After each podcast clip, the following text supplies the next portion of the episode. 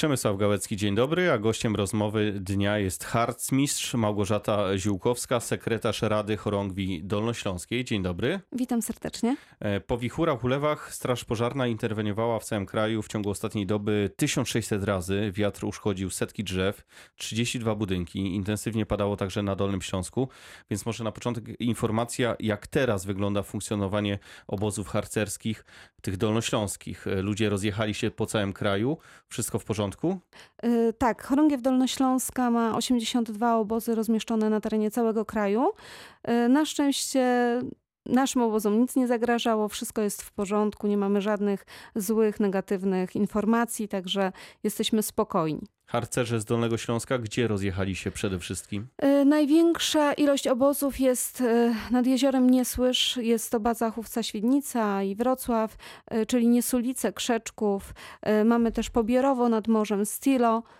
Także 82 obozy, tak. czyli ile ludzi, ile dzieci, Około- ilu opiekunów? Około 2,5 tysiąca zuchów, harcerzy, harcerzy starszych, instruktorów. W ramach e, bezpieczeństwa ewakuowano pięć obozów harcerskich. Taką mamy informację z tych ostatnich godzin. To wszystko działo się w ciągu ostatniej doby. Łącznie 427 osób, e, dzieci, młodzież, opiekunowie. E, U nas nie było takiej potrzeby. Nie, nie było. To nie są osoby z naszej chorągwi. Jednak też wiem, że wszyscy są bezpieczni, byli przetransportowani do szkół, także wszystkim zapewniono opiekę. Okej, okay, czyli było e, przeniesienie obozu na czas tych wichur i burz e, do szkół, do budynków murowanych. Tak, to też słyszałam. Mhm. E, to wynikało z tych nowych procedur, bo po ubiegłorocznej tragedii, gdy dwie osoby zginęły przygniecione w suszkach, w suszkach przygniecione mhm. drzewem, państwo wprowadziliście nowe procedury. Tak, y, 20 1 czerwca y, pod, zostało podpisane porozumienie, na mocy którego wprowadzono pewne procedury, których trzeba przestrzegać.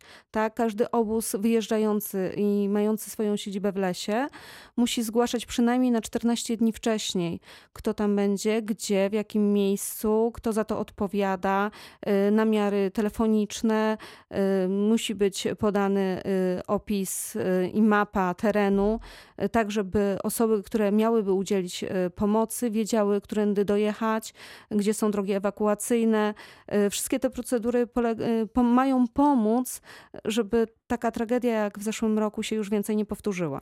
To prawda, ale z drugiej strony e, w Gostyninie kilka dni temu, w poniedziałek, e, no mało brakowało, żeby powtórzyła się taka tragedia, bo zawaliło się drzewo, spadło na, na jeden z namiotów, gdzie były cztery osoby. Na szczęście nikomu nic się nie stało. Wie pan, czasami niektórych rzeczy y, nie jesteśmy w stanie całkiem przewidzieć, tak? Czasami zdarza się, że po prostu jakieś drzewo się przechyli, przewróci. Owszem, y, to nie tylko jest y, nadzór jakichś władz i y, służb typu Straż Pożarna, Nadleśnictwo. To też jest nadzór nasz, naszych wychowawców.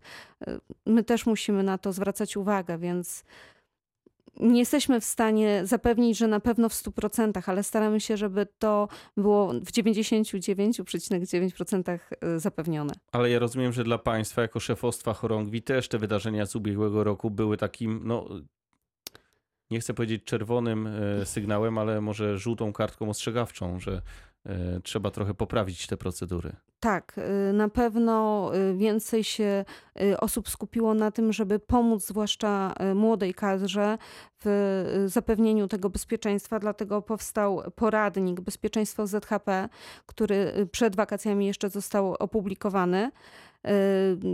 Myślę, że jest to pomoc nie tylko w zapewnieniu bezpieczeństwa takiego właśnie na wypadek zagrożeń atmosferycznych, ale także jak i w jaki sposób przygotować się do akcji letniej, jak bezpiecznie prowadzić zajęcia, co trzeba wiedzieć i mieć, jakie uprawnienia, żeby posługiwać się, nie wiem, na kwaterce mm, piłą y, i innym sprzętem.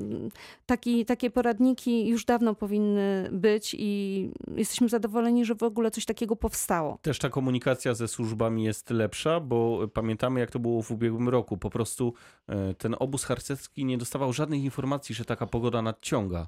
E, Tych informacji, ostrzeżeń meteorologicznych po prostu nie było. Teraz wygląda to lepiej? W Tak, zdecydowanie lepiej, ponieważ wprowadzono porozumienie między Ministerstwem Cyfryzacji, Ministerstwem Spraw Wewnętrznych i Administracji, Rządowym Centrum Bezpieczeństwa oraz operatorami sieci na przekazywanie SMS-owe takich informacji y, i ma to naprawdę y, dużo. duże znaczenie, żeby, żeby takie SMS-y krążyły, żeby y, kadra otrzymywała informacje, żeby mogła się przygotować wcześniej. Jestem już po obozie w Krzyczkowie, gdzie osobiście widziałam codziennie albo Straż Pożarną na bazie, albo policję, albo inne służby, gdzie komendant bazy musiał dwa razy dziennie meldować y, do Straży Pożarnej stan, y, jaki jest, nawet jeżeli było ciepło, pięknie i bez wiaterku, i tak musiał meldować, czy jest wszystko ok. Tylko to jest trochę smutne, że panią jako doświadczonego harcerza to zaskakuje, że takie procedury aż, aż tak mocne są, bo wydaje się, że one zawsze powinny być.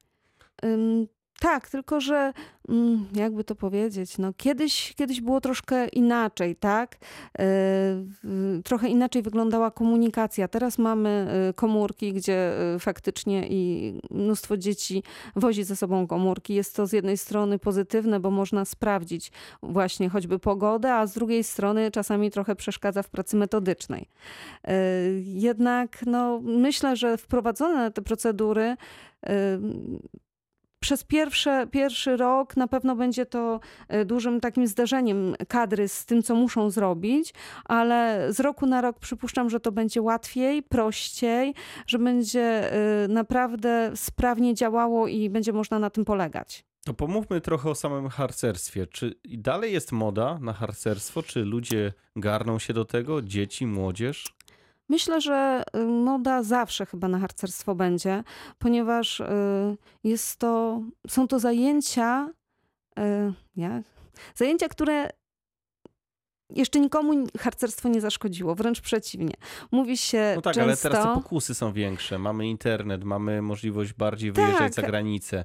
E, Jest trochę, e, trochę są inne formy wypoczynku niż tylko ucieczka do harcerstwa, żeby wyrwać się od rodziców i przeżyć przygodę.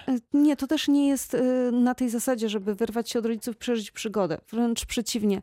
Czasami bywa tak, że po prostu do harcerstwa trafiają ludzie, którzy mm, mają problemy na przykład z komunikacją y, między ludźmi, tak? Są dzieci, które y, często mają problem otworzyć się na innych i y, często do nas trafiają y, właśnie dzięki rodzicom, którzy najpierw myślą, że odciągną od komputera, od y, komórki, a z drugiej strony dostaną kawałek czegoś, co powinno być naturalne, czyli współpraca, współdziałanie, koleżeństwo, którego bardzo często zaczyna brakować przy komórkach. No właśnie, komu pani poleca harcerstwo? To znaczy, jak teraz słyszą, słyszą nas rodzice, którzy mają dzieci w wieku szkolnym i zastanawiają się, jaką formę wypoczynku zaproponować dzieciom, jaką formę zajęć pozalekcyjnych, to dlaczego mieliby postawić na harcerstwo? Hmm. Może dlatego, że y, harcerstwo oprócz takiego wypoczynku daje jeszcze coś, coś dobrego w sensie y, s- styczności ze środowiskiem, styczności z innymi ludźmi, współpracy, działania jakiegoś wspólnego, innych zajęć, zajęć tematycznych, y, nie tylko ukierunkowanych na, na dany profil typu y, taniec, śpiew czy, czy właśnie komputery, ale my staramy się swoich ludzi wychowywać, żeby potrafili w życiu sobie dać radę. Pani mówi o tym, że dzieci dalej garną się do harcerstwa, a jak to jest z tymi e, ludźmi starszymi, z tymi opiekunami, e, na przykład na takich zgrupowaniach, bo my dostaliśmy informację od jednego z słuchaczy, że jest problem, że tej kadry harcerskiej jest za mało, jego zdaniem. Mm, Dużo kadry brakuje w przedziale wiekowym, y, kiedy zaczynają studia. Y, Jeszcze y, wcześniejsza kadra, jeszcze szkoła średnia, y, już po skończonym y, 18 roku życia. Tak, jest tej kadry sporo. Później, kiedy idą na studia, zaczyna jej trochę brakować. Dopiero przypuszczamy, że w pewnym momencie, kiedy już jakaś stabilizacja w życiu jest, czyli skończone studia, jakaś założona rodzina, dopiero część ludzi wraca i działa. A dlaczego wracają? Jak oni to uzasadniają? E, Wie pan co, jak ktoś złożył kiedyś przyrzeczenie harcerskie, to się mówi, że harcerzem jest się zawsze na całe życie. I nawet jeżeli się gdzieś tam miało jakąś przerwę, to e, to, to ciągnie. Człowiek chce wrócić i przypuszczam, że takie życie właśnie kierowane jakimiś zasadami, e, to też jest coś dobrego i dlatego, dlatego pewnie chcą wracać. A harcerstwo się zmienia? Pani jak obserwuje to przez ostatnich kilkanaście czy kilkadziesiąt lat? E, No bo czasy się zmieniają, technologia się zmienia. E, Czy harcerstwo to dalej taki old school i wy pozostajecie niezmienni? Nie, harcerstwo też się zmienia, wiadomo. Musimy się dostosować do tego, co jest w tej chwili, do tego właśnie, jak gry można szykować, y, korzystając z komputerów, z komórek. Chociaż strasznie pilnujemy czasami, żeby, żeby nasi najmłodsi nie korzystali z komórek, jeżeli mają za zadanie do rozwiązania. To byłoby zbyt proste i nie wymagałoby myślenia. A chcemy jednak, żeby nasi podopieczni też myśleli, bo ograniczyć się tylko do komputerów i komórek to trochę za mało. Harcmistrz Małgorzata Ziółkowska, gościem rozmowy dnia. Dziękuję pięknie za Dziękuję wizytę w studiu. ślicznie. A pytał Przemysław Gałecki. Miłego dnia. Czuwaj. Czuwaj.